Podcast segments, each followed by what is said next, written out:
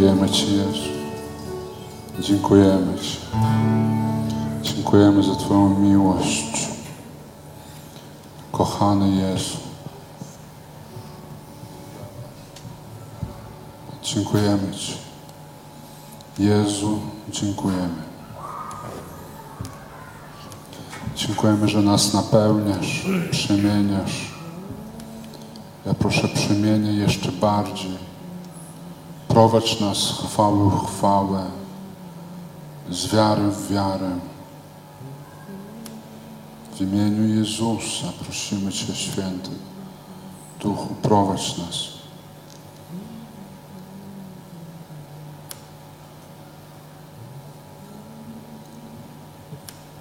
Przemieniaj, podnoś, uzdrawiaj. My kłaniamy się Tobie, Jezu. Oddajemy Ci cześć, oddajemy Ci całe nasze serce. Poruszaj się w nas. Dziękuję za każdy cud, za każde uzdrowienie, że Ty osobiście nas dotykasz. Nie potrzebujemy człowieka, bo Ty jesteś tak bliski. Ty nas dotykasz, zmieniasz. Działasz poprzez, poprzez nas.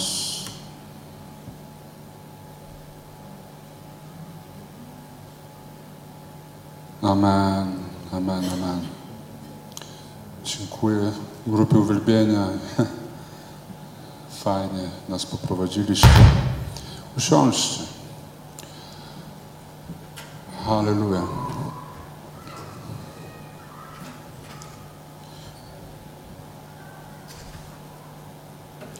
Byłem bardzo do, dotknięty, Darku, jak zadzwoniłeś do mnie. Chciałeś mi wysłać do Egiptu, do prac kopalnianych. Mówię, jesteś wykończony, trzeba ciebie odpocząć gdzieś. Dzwonię, musisz wyjechać. Wiecie co? Mm, to bardzo mnie ujęło super. Później jeszcze ktoś zadzwonił, jak się czujesz, jak się czujesz. Rzeczywiście chyba, chyba, chyba marnie wyglądałem ostatnio, tak? Że wszyscy tak... Że wiecie co? To ja bym wam e, wy, w jakiś sposób, dobrze, jak, jak to się, jak ze mną to się mm, dzieje, bo e, wszyscy, wszyscy słyszą Mariupol, nie? Każdy w Polsce cały czas o tym się mówi, nie? Mówi się, ktoś kojarzy, to mia- słyszycie, tak? W, w wiadomościach. No to ja, ja jakby cały czas powtarzam, że to jest miasto, w którym wyrosła moja mama, tam zbudowała dom, tam mieszkają moje kuzyni, różne ciotki. Po prostu jakby rodzina taka, która jedyna żyje, znaczy siostra żyje pod Słowacją, na słowackiej granicy, tam jest spokój, rodzona siostra, ale wszyscy y, wujkowie, te ciotki trzecie po, kis, po jak to się mówi, trzecie, po kisielu, wszystko w Mariupolu. I e, kiedy, kiedy coś takiego się dzieje, wiesz, człowiek jest bezradny i to bardzo ciebie jakby, ty wiesz, jesteś świadom, że e, to tak jakby ktoś brał, wyobraź sobie jakiegoś wujka albo ciotkę, którą masz, wyobraźliście, którego lubisz, wyobraźcie, bo są tacy, których nie lubisz, ale wyobraźcie się tych, kogo lubisz i tam ktoś próbuje ich zamordować. No to jest okropne uczucie, nie? Taka bezsilność, takie... A, i w... Proszę? Albo może... Może już tak, może już jest zamordowany, bo jakby nie ma tam e, prądu, nie ma połączenia e, takiego komórkowego, więc nic nie wiadomo, totalnie nic. Ja tam oczywiście mam wiarę i w takich sytuacjach, e, jak to się dzieje, to takie siedzenie bez działania dla mnie to jest po prostu, to jest, że ty po prostu nie możesz w ogóle na niczym się skupić, skupić. Całe twoje jakby myślenie jest tam, nie? w mieście, co się dzieje. I, I rodzi się gniew, złość, różne uczucia. I ja zna- zobaczyłem, że najlepiej w takich sytuacjach coś robić, tak, że działam gdzieś tam, jestem wolontariuszem na tym dworcu, nie dosypiam, wstaję, jadę, pomagam, załatwiam gdzieś, szukam, nie wiem, samochody do kupienia. E, Wkrótce będę, chyba się przekształcę na dealera aut za chwilę. E, I jakby to mi pomaga też trzymać psychicznie e, zdrowie takie, bo gdzieś rozumiem, że do, dołączam się do jakiegoś zwycięstwa w jakiś sposób, tak, że jeśli nie w ten, to w tamten, że jeśli nie mogę e, no, jako duchowny wziąć broń, no nawet gdybym wziął, to co by to dało, by szybko mnie tam załatwili jakąś rakietą i po wszystkim, tak. E, Więc takie działanie gdzieś pomaga e, trzymać e, taką psychiczną równowagę, tak mi się wydaje, bo, bo pierwszy tydzień czy drugi tydzień wojny prostu oszołomiony siedzisz i nie wiesz w ogóle za co, w co ręce włożyć, tak? E, Więc, więc e, to, to, to napięcie, ten stres y, pomaga mi oprócz modlitwy i Boga, pomaga po prostu takie działanie na rzecz zwycięstwa, prawda? I kiedy widzę, że ktoś też w to angażuje się, to też mi to pomaga. No bo widzę, że mam, mam paczkę e, przyjaciół, z którymi gdzieś tam angażujemy się w, w nasze wspólne zwycięstwo, bo też lepiej, żeby wroga pokonać tam, niż żeby on, wiecie, zmasakrował Ukrainę i przyszedł do, do Polski. No, lepiej już, już tam go, nie, zatrzymać. A on ma chrapkę i na Polskę, i na Litwę, i na, na Łotwę, więc chcą tam iść. Dlatego, dlatego jest jak jest. Niektórzy myślą, chyba zwariował ten pastor, tylko to robi, ale e, mi się wydaje, że cała Polska zwariowała poniekąd w pozytywny sposób. Ta pomoc, to wszystko, co robią, to jest niesamowite, to jest e, e, ci uchodźcy, których spotykamy, spotykam na dworcu za każdym razem, kiedy ciągnę kogoś, niosę jakieś torby, to mówią, Polska jest niesamowita, dziękujemy Polsce, cały czas to powtarzają. Po prostu oni są tak świadomi, tak wdzięczni tego, co, co widzą. Nawet taka, wiecie, sytuacja, taka prosta sytuacja, że e, e, wprowadzili takie nowe prawo od 1 kwietnia, że, bo wcześniej e, te Ukrainki z dziećmi mogły podróżować pociągami za darmo, całkowicie po Polsce. I, a od 1 kwietnia e, taki warunek się zjawił, że musi być pieczątka w paszporcie e, zagranicznym, a tylko zagraniczny paszport można stać pieczątkę, że, że jako, jako świadectwo tego, że legalnie poniekąd trafiła do Polski i wtedy dają darmowy bilet. A wielu z nich uciekało po prostu, na przykład jakaś pani opowiadała, że ze, zeszła do piwnicy chować się przed uderzeniem bombowym, wychodzi, nie ma domu. nie, nie ma paszportu, nic nie ma, więc przyjeżdżając do, do Polski z, niczym, de facto niektóre nawet żadnego dokumentu nie mają, e, przyjeżdżają do, do Polski, nagle takie coś, że pokaż paszport, damy ci bilet. Czyli tak troszkę mm, niezbyt to jest na rękę, nie? Takie nie- nieładnie trochę to wy- wychodzi, bo niektóre, niektóre mają paszporty, niektóre nie. I, i, I były takie sytuacje, że szedłem, biorę tam jedną, tam dwie pani, z, zazwyczaj wszystkie są spanikowane, nie da się z nimi normalnie rozmawiać. biorę panią, mówię, dobrze, spróbujemy, idę do, do kas, mówię, poproszę dwa bilety do Berlina. I nic nie daję tej, nie, bo my jako tłumacze kupujemy te bilety w imieniu tych kobiet. I, i jakaś kasjerka w ogóle nie, po, nie poprosiła o, wgląd w paszport, żadnego paszportu, wydała te bilety. Ja tak, wow, mówię, mówię, to cud do tych dziewczyn. A one mówią, a my jesteśmy wierzącymi. Ja mówię, jak tak? Okazało się, że są z kościoła wierzącymi. Pyta, a jest tutaj jakiś kościół? Ja mówię, no ja jestem tutaj jakby też z kościoła. taki, taki stał się cud i ten. I ja później przyszedłem do namiotu, e, tam gdzie obsługują uchodźców i, I w pewnym momencie podzieliłem się tej grupie, tym szefostwu, które tam jest jakby odpowiedzialne za to wszystko w imieniu tak, burmistrz, bur, w imieniu e, burmistrza Targówka. Ja mówię, wiecie co, dali mi bilet za darmo. A oni, powiedz, która to kasa. Też będziemy tam chodzić, że tam jakaś wyluzowana kasjerka, która jakby nie sprawdza biletów, no bo rzeczywiście później nie ma ewidencji tych biletów i rzeczywiście no, nie powie, że tam mia, miała pie, pieczątkę, ta nie miała pieczątki, więc tam jakaś miłosierna Samarytanka siedziała w tej kasie i, i klepie te bilety tym, y, tym uchodźcom, więc mówię, no ta i tamta kasa. Nie, dobrze, dobrze. E, także takie, takie, takie ciekawostki się wydarzają. E, no też taki, chwała Bogu, cud widzieliście na pewno i mój wywiad i to, co ja nagrałem na swoim YouTubie z kapelanem, który przyjechał po busa, żeby ewakuować ludzi. Kolejny samochód y, dzięki wszystkim, którzy przesyłają tam, tam z zagranicy, trochę przesłało szybko parę ludzi, parę osób pieniędzy, więc ten kapelan miał swoją część pieniędzy, my dołożyliśmy i kupiliśmy samochód w dwa dni i już pojechał, prawda, na, do, do Ukrainy, żeby pomagać, wywozić ludzi z tych różnych e, takich gorących miejsc.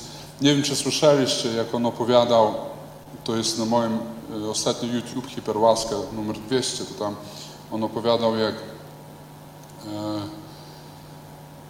jak e, jego jednostka stacjonuje blisko Buczy i jak usłyszeli, co, jaka masakra wydarzyła się w Buczy, to powiedział ta e, e, wywiadowczy oddział tej jednostki powiedział, założyli cały jakby, jak to się nazywa, rynsztunek, to wszystko założyli na siebie, wyglądali jak kosmici, tam różne te sprzęty do nocnego oglądania, wiecie, i tak dalej, tak dalej. Wyglądali naprawdę, mówię, jak kosmici. Nabuzowani taką złością, mówię, my idziemy, my nie będziemy słuchać żadnych tutaj rozkazów, my będziemy ścigać, my pójdziemy, my wyjdziemy na Białoruś, my tam, my ich będziemy masakrować aż do Moskwy. I po prostu byli gotowi, jak zobaczyli to wszystko, ruszyć do, na bój i y, ten, mm, ten e, dowódca mówi do kapelana, mówi, pójdź porozmawiać z nimi, pomóc nie wiem, coś zrób po prostu. Nie wolno, jakby to, to nie, po, pierwsze, oni idą jakby na, na, sam, na samobójstwo w ten sposób. No i ten poszedł się z nimi, mówi chłopaki, mówi, mogę wam przeczytać kawałek z, z Biblii? I tak, no możesz.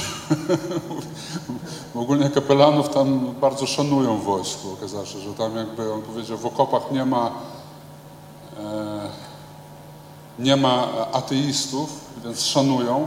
Często podchodzą przed bojem, mówią pomóc się albo proszą o spowiedź, jeśli ktoś prawosławny, ten protestancki kapelan spowiada. Po prostu tam e, robi się po prostu taka jedność chrześcijańsko-duchowa i robi wszystko, co ci ludzie proszą. W każdym razie modlę się o nich. Pomodlił się, przeczytał pismo, i mówi, i oni nagle się uspokoili, mówią, dobra, masz rację, nie idziemy, będziemy słuchać dowództwa. Uspokoili się. Więc takie, takie, takie sytuacje, takie rzeczy się dzieją.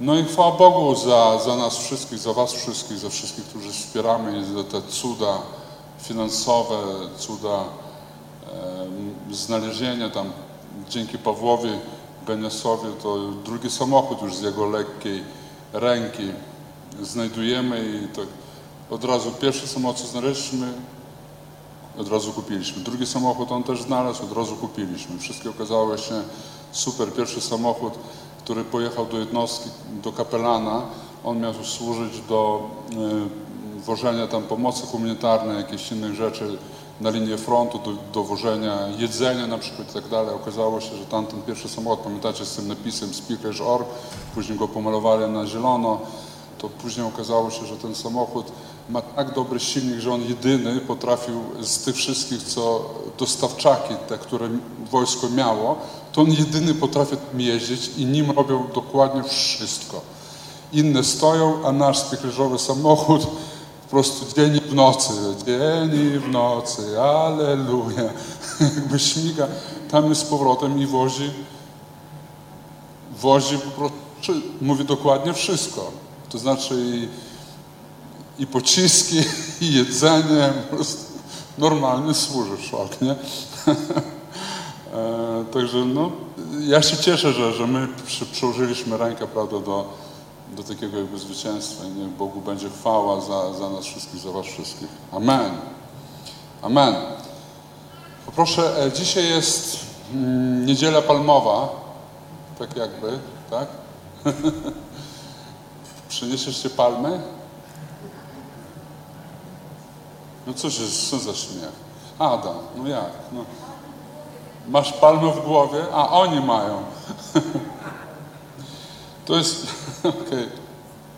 Tydzień przed, przed tym, jak Jezus został ukrzyżowany, e, nikt nie wie o co chodzi z tą niedzielą palmową, poza tym, że go, on był witany tam przez tłum, ale to jest jakby nie wszystko. Za tym powitaniem są inne rzeczy. Otwórzmy Ewangelię Jana, 12 rozdział od pierwszego wersetu. Dzisiaj tematem będzie piękno Jezusa. Jezus, zanim został złożony na krzyżu jako baranek Boży, musiał zostać uznany za doskonałego, za pięknego, za kogoś, kto, kto jest bez skazy, bez żadnej zmazy. Baranek, kiedy był oglądany przez kapłany, wiecie, że my jesteśmy rodem kapłańskim. Pamiętacie, jest taki tekst. Rodzie kapłańskim. Co robili kapłani? Kapłani badali doskonałość baranka. Oni brali barankę przed ofiarą, macali nogi, patrzyli w ogóle jak wygląda, czy nie ma kulawej nogi, czy jedna noga na przykład nie jest przykrótka. I badając to, później przynosili ofiary, dzięki której doświadczali błogosławieństwo i przebaczenia grzechów. Więc my jako ród kapłański przede wszystkim jesteśmy powołani do badania naszego baranka Jezusa Chrystusa. Ty jesteś powołany, by badać doskonałość i piękno Jezusa. To jest nasz cel jako rodu kapłańskiego. Kapłani e, robili oczywiście inne rzeczy, ale wszystko było przede wszystkim skierowane na to, żeby zbadać piękno baranka ofiarnego. I uczmy się. Ja, moim pragnieniem jest, abyśmy my, jako Kościół, byli tym prawdziwym rodem kapłańskim, u których w głowie, w sercu mocno siedzi to pragnienie badania baranka, badanie piękna baranka Bożego, badania Jego czystości, Jego niesamowi- niesamowitości, że On jest wszystkim, co mamy. Niech Bóg nas w tym prowadzi. Teraz to wydarzyło się właśnie w, też w Ewangelii Jany, to się wydarzyło e, w niedzielę palmową tak zwaną, o której mało kto kiedykolwiek mówi. Co to za niedziela palmowa, którą cały świat obchodził, na pewno cała Polska. Więc mm, czytamy od pierwszego wersetu. A na sześć dni przed Paschą poszedł Jezus do Betanii. Pewnie dzisiaj jest sześć dni przed Paschą, prawda?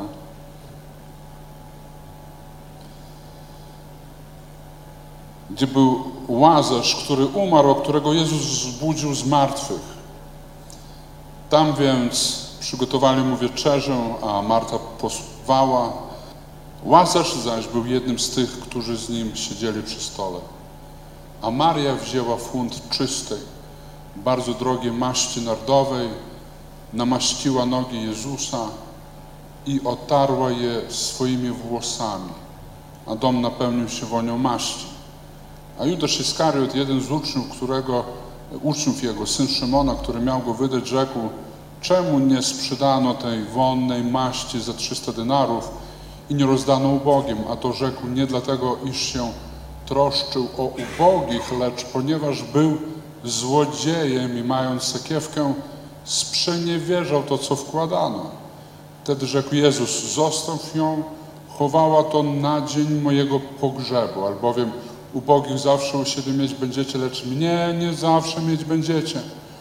A wielu z ludu żydowskiego dowiedziało się, że tam jest i przyszli nie tylko dla Jezusa, ale także, by zobaczyć Łazarza, którego wzbudził z martwych, a arcykapłani naradzali się, aby i Łazarza zabić, gdyż wielu Żydów z powodu niego odeszło i uwierzyło w Jezusa. I teraz tutaj bardzo dużo jest fajnych, fajnych mocnych myśli.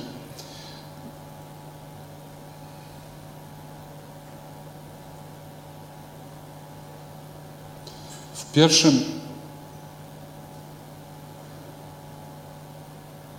drugim wersecie on jest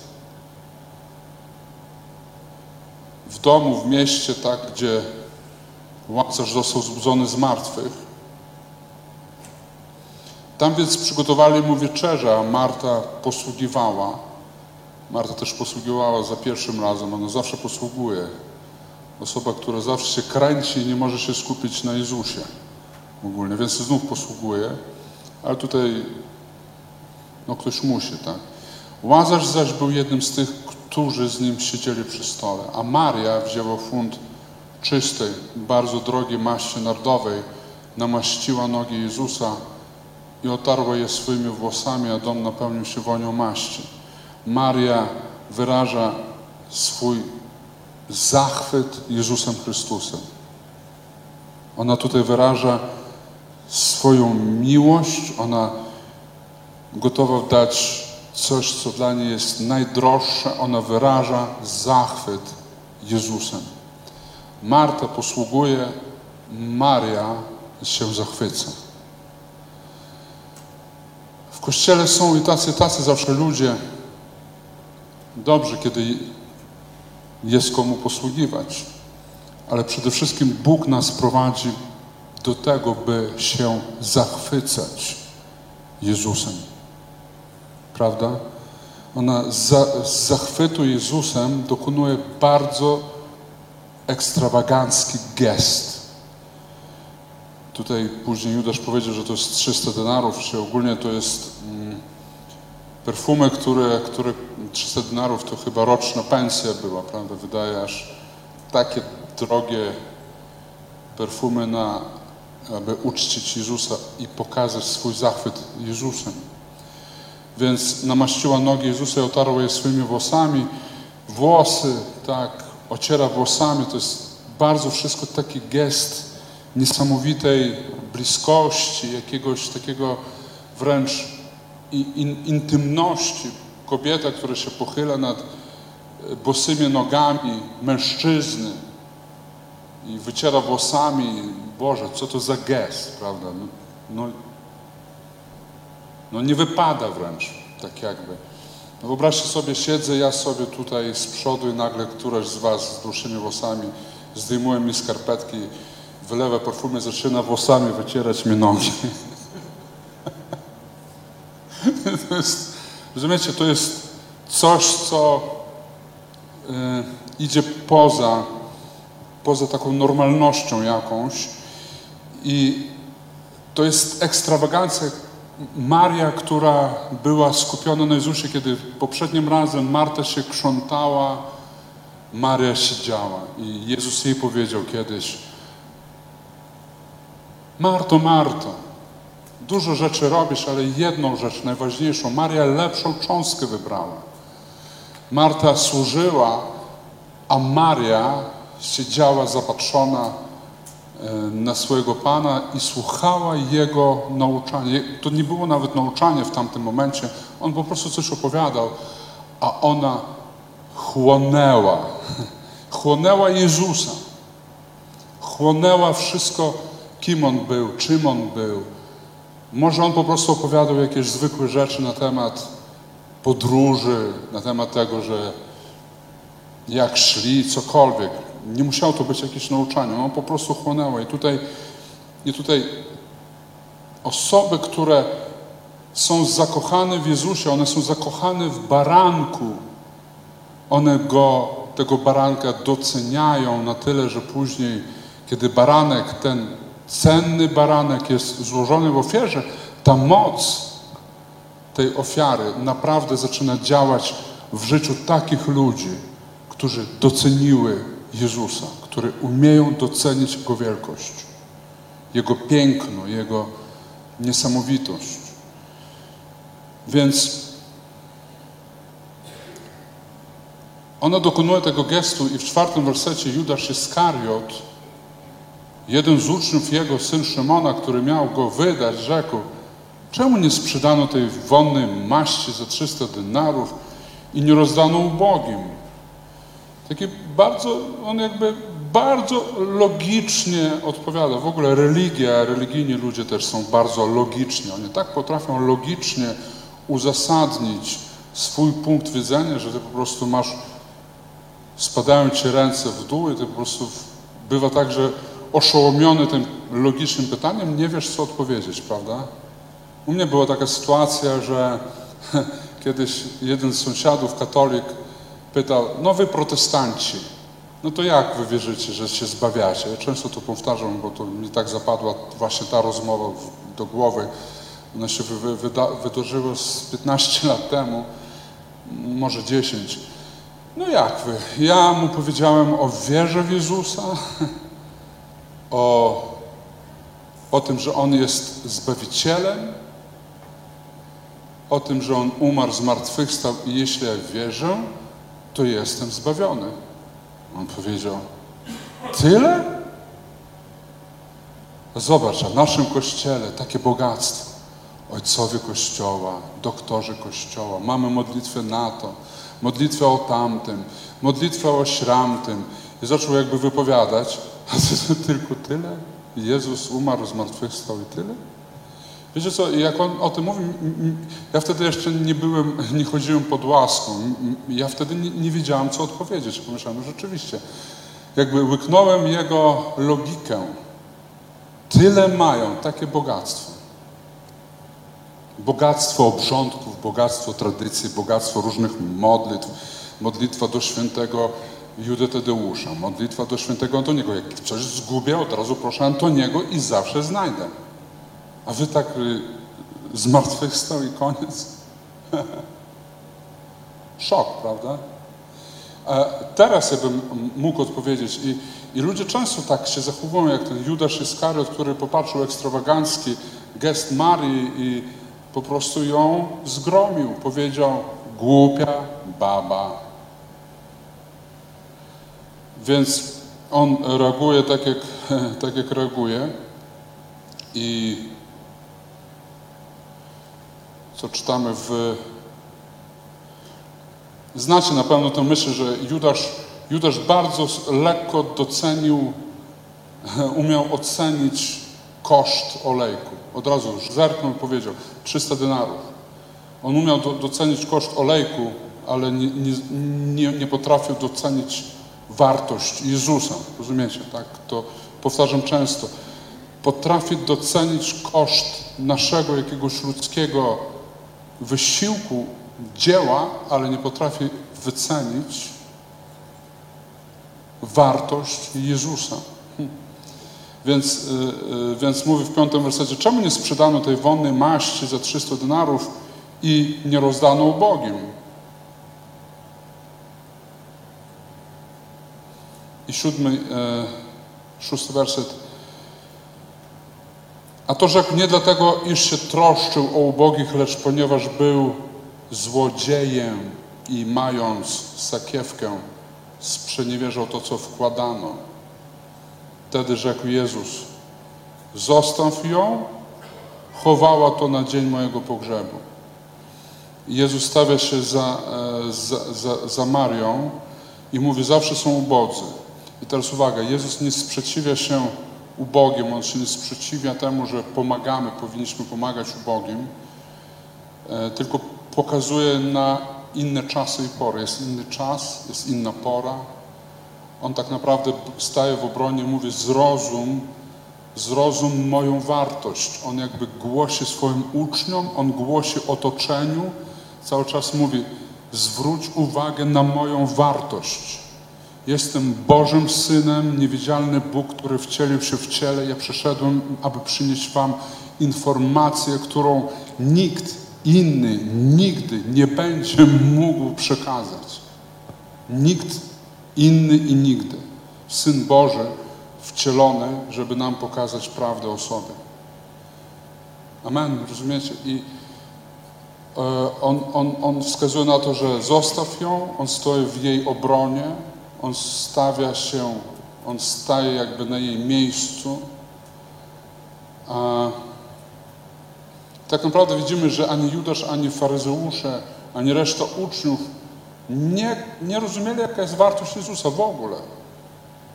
Bo później tak jakby uczniowie też troszeczkę stanęli po stronie Judasza. Nie, nie powiedzieli, nie było jakby chórku uczniowskiego, który powiedział amen, amen i refren zaśpiewali. Tak, tak, tak, trzeba było sprzedać, ta kobieta jest głupia.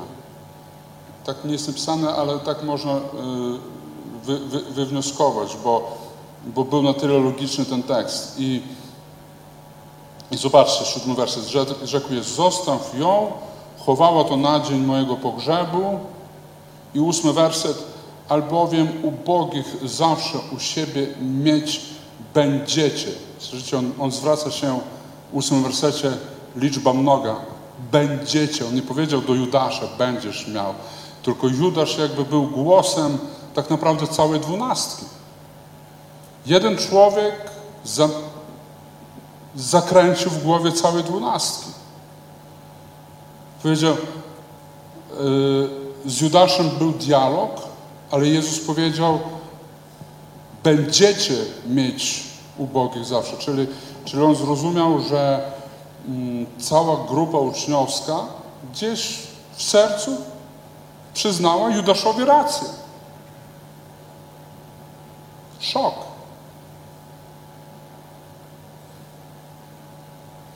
Więc mówi, albowiem ubogich zawsze u siebie mieć będziecie, lecz mnie nie zawsze mieć będziecie. I w siódmym wersecie mówi, chowała to na dzień mojego pogrzebu. I Jezus musiał zostać ukrzyżowany jako doskonała ofiara, jako baranek, którego zaakceptuje też Bóg Ojciec jako arcykapłan, prawda? Jako ten, który przyjmuje ofiary, dzięki której my, nasze Twoje grzechy są Tobie przebaczone.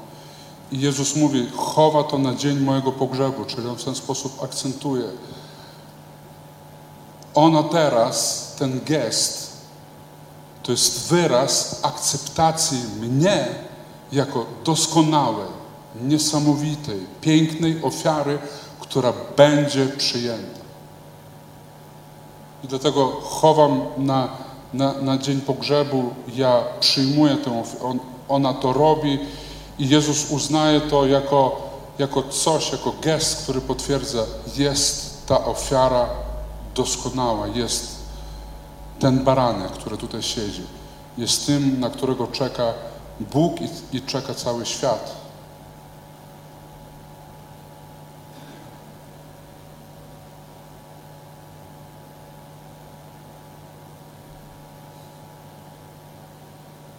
I do tego ósmy werset, albowiem ubogich zawsze u siebie mieć będziecie, lecz mnie nie zawsze mieć będziecie, a wielu, lud, a wielu z ludu żydowskiego dowiedziało się, że tam jest. I przyszli nie tylko dla Jezusa, ale tak, żeby zobaczyć Łazarza, którego wzbudził z martwych, a arcykapłani naradzali się, aby i Łazarza zabić, gdyż wielu z Żydów z powodu niego odeszło i uwierzyło w Jezusa z powodu wzbudzenia zmartwych Łazarza uwierzyło w Jezusa. To jest ciekawe. Pamiętacie, kiedyś e, faryzusze powiedzieli Jezusowi, pokaż nam jakiś cud, a wtedy uwierzymy, że Ty jesteś Synem Bożym. A Jezus przed chwilą uzdrowił e, ślepego i głuchoniemego. Czyli cud, który był ponad wszelkimi cudami możliwymi, bo według żydowskiej teologii, żeby wypędzić demona, głuchoty i niemoty, najpierw demona trzeba było spytać o, nie, o, o imię i kiedy egzorcysta znał imię demona, wtedy dopiero mógł wy, wyrzucić tego demona. A tutaj głuchoniemy, nie dawało się z nim rozmawiać, więc to był naprawdę cud ekstrawagancki i oni po, po takim ekstrawaganckim cudzie, który mógł dokonać tylko Bóg, przychodzą jeszcze do Jezusa i mówią, a pokaż nam jakiś znak, że jesteś Synem Bożym. To już była jakby przesada. Hmm. E, I Jezus, Jezus im powiedział, nie będzie wam dany żaden inny znak poza, poza znakiem e, Jonasza, czyli znakiem zmartwychwstania, wskrzeszenia i zanim sam Jezus został wskrzeszony tuż przed tym, jak On umarł i został wzbudzony z martwych, jest wzbudzony Łazarz i wzbudzony Łazarz jest znakiem, który przyciągnął resztę Izraela. Dlaczego Łazarz stał się takim znakiem? Według żydowskiej tradycji Łazarz, e, Łazarz leżał cztery dni w grobie, a Żydzi mówili, zostać wzbudzony z umarłych może tylko człowiek, który jest martwy do trzech dni. Po trzech dniach to już nieodwracalne. I dlatego Jezus się nie śpieszył na grób Łazarza, żeby ten cud znów był kolejnym ekstrawaganckim cudem i potwierdzeniem w oczach Żydów, że to jest nie byle kto, to nie jest po prostu prorok, to jest Syn Boży, to jest Bóg wcielony. On wzbudza Łazarza i dlatego Żydzi z, taki, z takim niesamowitym uwielbieniem e, patrzyli na, na Jezusa i mówili, przyszli do Niego, bo podziwiali ten cud wskrzeszenia, czyli, czyli ten cud działał. Jezus przygotowuje się sam na śmierć i zmartwychwstanie i mm, gdyż wielu Żydów z powodu Niego, okej, okay, dziesiąty werset, tak, mamy dziewiąty, yy, dobrze, arcykapłani naradzali się, aby i Łazarza zabić i jedenasty, gdyż wielu Żydów z powodu Niego odeszło i uwierzyło w Jezusa. Nazajutrz liczna rzesza, dwunasty, która przybyła na święto, usłyszawszy, że Jezus idzie do Jerozolimy, nabrała gałązek palmowych i wyszła na jego spotkanie i wołała Hosanna, błogosławiony, który przychodzi w imieniu Pańskim, Król Izraela. A Jezus, znalazłszy oszle, wsiadł na nie, jak napisano, nie bój się, córko syjońska, oto król Twój przychodzi, siedząc na źrebięciu oszlicy. Tego początkowo nie rozumieli uczniowie Jego, lecz gdy Jezus został uwielbiony, wtedy przypomnieli sobie, że to było o Nim napisane i że to uczynili dla Niego. I 17. Świadczyła więc o Nim Rzesza, która z Nim była, gdy Łazarza wywołał z grobu i wzbudził z martwych. Dlatego lud wyszedł na jego spotkanie, ponieważ usłyszeli, że on dokonał tego cudu. Wtedy mówili faryzeusze między sobą: Widzicie, że nic nie wskóracie? Oto cały świat poszedł za nim. I teraz naród go wielbi, w wersecie 12 czytamy. Uczniowie mieli zachwianie spowodowane przez, przez logiczne myślenie Judasza. Faryzeusze oczywiście chcieli zabić, bo on dokonał cudu, który był niepodważalnym cudem, bo Łazarz, który cuchnął już w grobie cztery dni, został wskrzeszony z umarłych. A naród, który to usłyszał, go wielbi. Jako ogromna różnica. Maria go wielbi, naród go wielbi, a najbliżsi kombinują i wciąż nie mogą się przekonać. Później Jezus e, wykonuje proroctwo, bo on mm, wykonał te wszystkie 13 i 15 werset mówi, w, że no na przykład 15 przede wszystkim, nie się córko syjońska, oto król przychodzi siedząc na źrebięciu oszlicy, ten fragment był napisany u Zachariasza o, o Mesjaszu, który wjedzie do Jerozolimy na oślicy. On wykonuje to po to, żeby pod, on cały czas Jezus podkreśla, jestem ważny, Jestem tym, o kim zapowiada Pismo. Jestem tym, kogo należy się słuchać, kochać, wielbić, badać, być tym narodem kapłańskim. Jestem tym, kto przyniósł doskonałą ofiarę i dzięki tej ofierze, dzięki temu, że umarł i zmartwychwstał, mamy zbawienie. On to cały czas potwierdza, on pokazuje, on mówi, rozkochaj się we mnie, zakochaj się w Jezusie. Zakochaj się w osobie Jezusa, nie w religii, nie e, w jakichś obrządkach. W Jezusie Chrystusie, w Nim. Wyobraźcie sobie, Jezus, który umarł na krzyżu, Syn Boży, przyniósł doskonałą ofiarę dzięki temu, że On umarł i zmartwychwstał. Dzięki temu, że my wierzymy w Niego, Ty wierzysz w Niego, Ty masz życie wieczne. W momencie, kiedy wierzysz w Niego, nie w momencie, kiedy coś robisz, tylko wierzysz w to, co On zrobił na krzyżu. Doskonały baranek Boży. I On wypełnił e, to proroctwo i przekonywał o swojej ważności, o tym, że Jego osoba, Jego dzieło to jest ważne. Jego krzyż będzie ważny, Jego zmartwychwstanie będzie ważne. Tak naprawdę ludzie oglądali baranka, przygotowanego baranka na zabicie. Patrzyli na baranka, który miał umrzeć i jedni widzieli w nim doskonałego Bożego Syna, inni nie. Ja wam powiem tak, jeśli my widzimy w baranku, w Jezusie Chrystusie doskonałego Syna Bożego i rozumiemy, co On zrobił na krzyżu, to wtedy z tego krzyża w Twoje życie będzie cały czas płynęła, płynęło błogosławieństwo, cały czas. Nie dlatego, że Ty coś robisz i jakoś specyficznie się modlisz. Ty możesz być najgorszą osobą w sprawie modlitwy, że Twoja modlitwa jest jakaś taka krzywa, niepoukładana, nie potrafisz dobrze poukładać tych słów. Nie ma znaczenia w tym momencie, czy układasz modlitwę dobrze, czy dobrze powiedziałeś, czy źle powiedziałeś. Znaczenie ma, do kogo ta, do kogo ta modlitwa jest skierowana. Doskonały baranek Boży, który dał siebie na śmierć dla Ciebie. Amen. I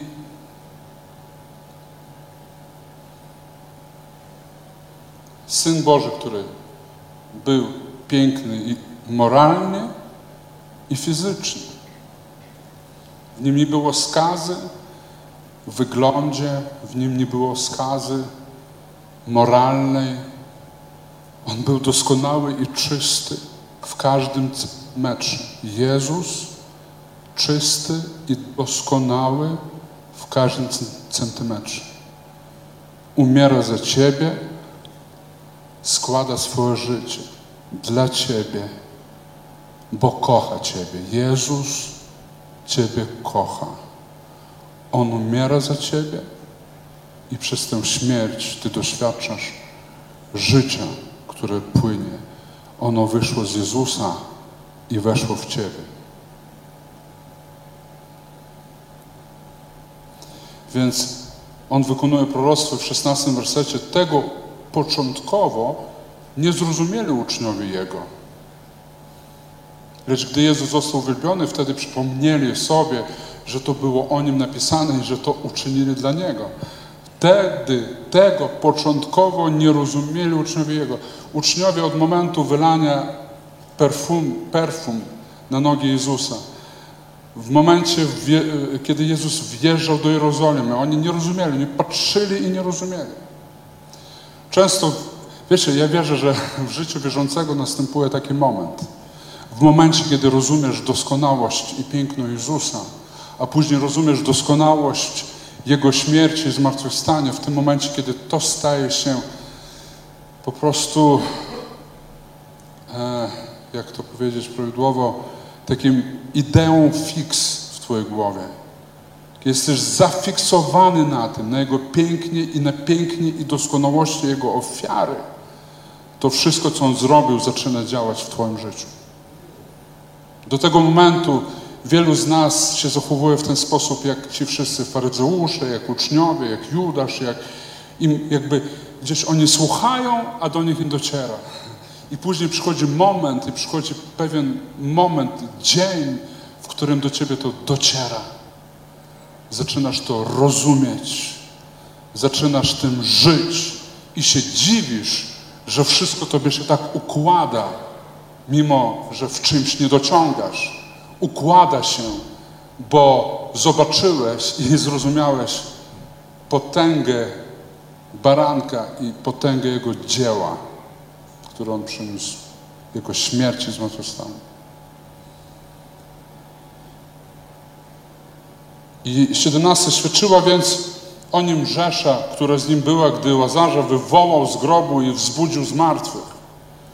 Dlatego lud wyszedł na jego spotkanie, ponieważ usłyszeli, że on dokonał tego cudu. Wtedy mówili faryzeusze między sobą, widzicie, że nic nie wskóracie, oto cały świat poszedł. Czyli cud zmartwychwstania, skrzeszenia Łazarza spowodował takie lokalne przebudzenie. Zmartwychwstanie powoduje przebudzenie. Nawet zmartwychwstanie Łazarza, widzicie, zmartwychwstanie, wiara w to, że Jezus pokonał śmierć, że Jezus pokonał ciemność, powoduje przebudzenie. On wstaje z martwych i naród się cieszy z tego. I jest ogień. Oczywiście ten ogień szybciutko później zgasł, później nie krzyczeli ukrzyżuj, ukrzyżuj go, bo jakby dopiero zmartwychwstanie Jezusa wszystko zmienia. I żeby to wszystko jakby mm, wam pokazać, mm, mm, mm, tak 19 wers, co jeszcze sobie zapisałem,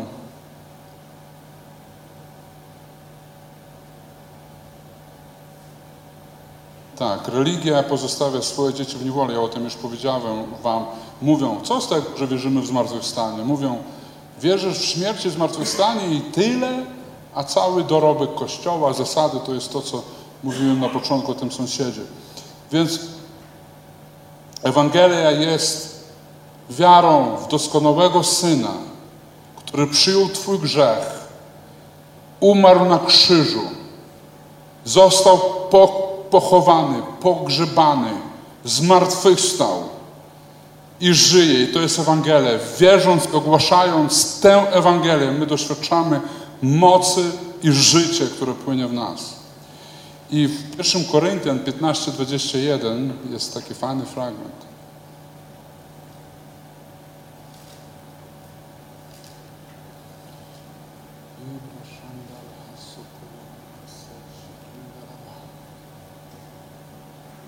Skoro bowiem przyszła przez człowieka śmierć, przez człowieka też przyszło zmartwychwstanie. Śmierć przyszła przez Adama, skoro bowiem przyszła przez człowieka śmierć, przez człowieka też przyszło zmartwychwstanie. Śmierć przyszła przez Adama. My rodzimy się w Adamie, nawet nie wierząc w to, co On zrobił dla nas, rodzimy się jako martwi. I wszystko nas martwi, Wszystkim się przyjmujemy, wszystkiego się boimy. Nie mamy w sobie radości życia, bo wszyscy są w Adamie. Nie patrzą w przyszłość z nadzieją, że będzie dobrze, bo martwy człowiek nie widzi nadziei, bo co może martwy zobaczyć? I wszyscy rodzimy się w Adamie i nosimy tę śmierć Adamową a później jest napisane, w Adamie wszyscy są martwi, ale w Chrystusie wszyscy są ożywieni, czyli zmartwychwstają w Jezusie.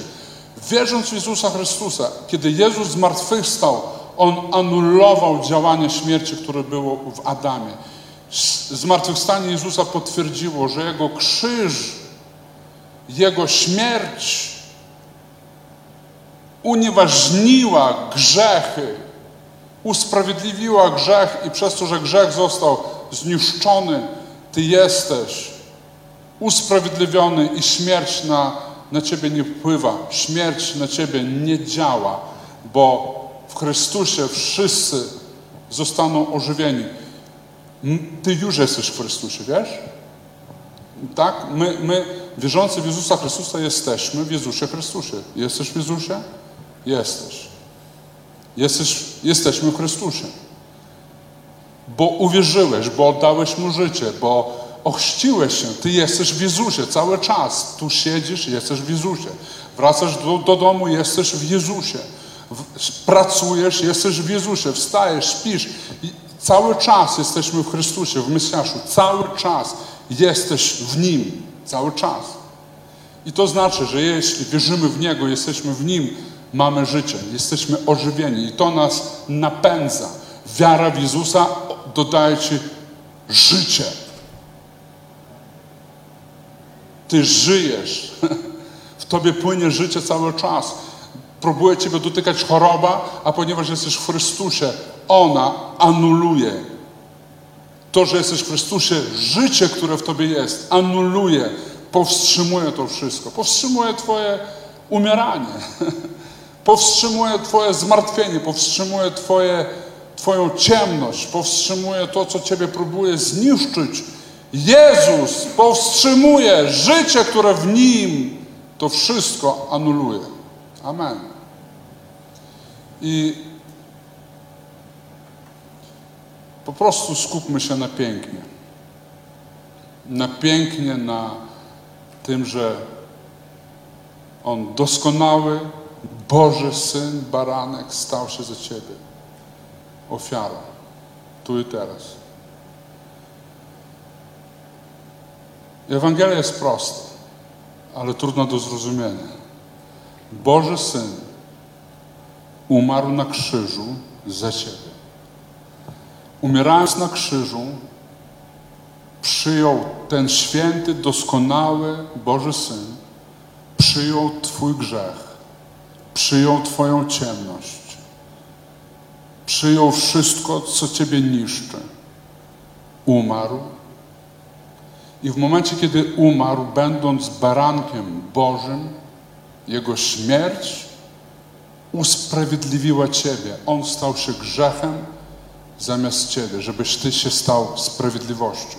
Święty stał się grzechem, żebyś się Ty stał sprawiedliwością. I w momencie, kiedy się stajesz sprawiedliwością, w Tobie płynie życie. On zmartwychwstał, potwierdzając, że Jego śmierć wymazała, anulowała działanie grzechu. On usprawiedliwił Ciebie i usprawiedliwienie usunęło skutek grzechu. I dlatego Jezus zmartwychwstał. Bo śmierć już nie mogła go trzymać, bo usprawiedliwienie anuluje śmierć. I dlatego w nas płynie życie, dlatego to my mamy więcej mocy, aby działać, żyć, aby robić różne rzeczy. My mamy życie, żeby robić to wszystko.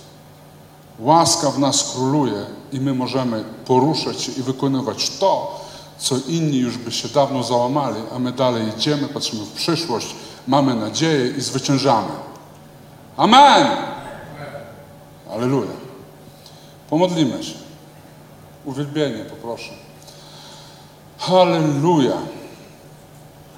My zaraz po, e, po, po, po spotkaniu będziemy mieli tutaj po prawej stronie, tutaj po waszej prawej, po mojej lewej, spotkanie na temat ewentualnego ewangelizacji w hali Expo. To tutaj podejdziecie, dobrze? Wszyscy, którzy może z uwielbienia, Darek z ewangelizacji, tak, porozmawiajmy, posłuchajmy, co możemy zrobić e, w hali dla uchodźców w Wielkanoc, Wielkanocną niedzielę. Dobrze? Pomodlimy się. Duchu Święty, ja dziękuję Ci za to słowo.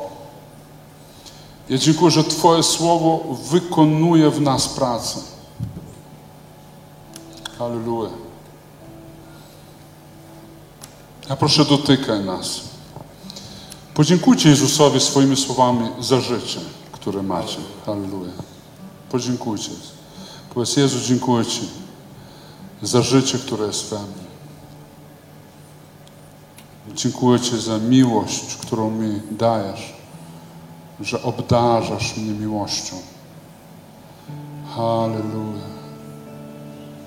Halleluja.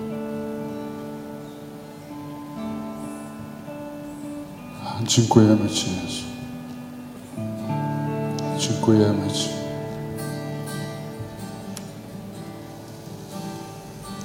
Dziękuję Ci za życie.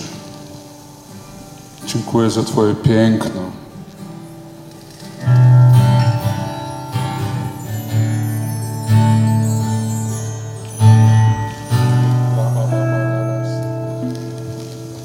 Dziękujemy Ci, Jezu. Dziękujemy Ci. Powiedz na głos. Dziękuję Ci, Jezu, że dałeś mi życie. Dziękuję za Twoje piękno, za Twoją doskonałość. Dziękuję, że Ty mi objawiłeś swoją doskonałość. Dziękuję, że objawiasz mi swoje piękno. Dziękuję Ci, Jezu. Objawiaj mi się jeszcze bardziej. Objawiaj mi się. Jezu, objawiaj mi się.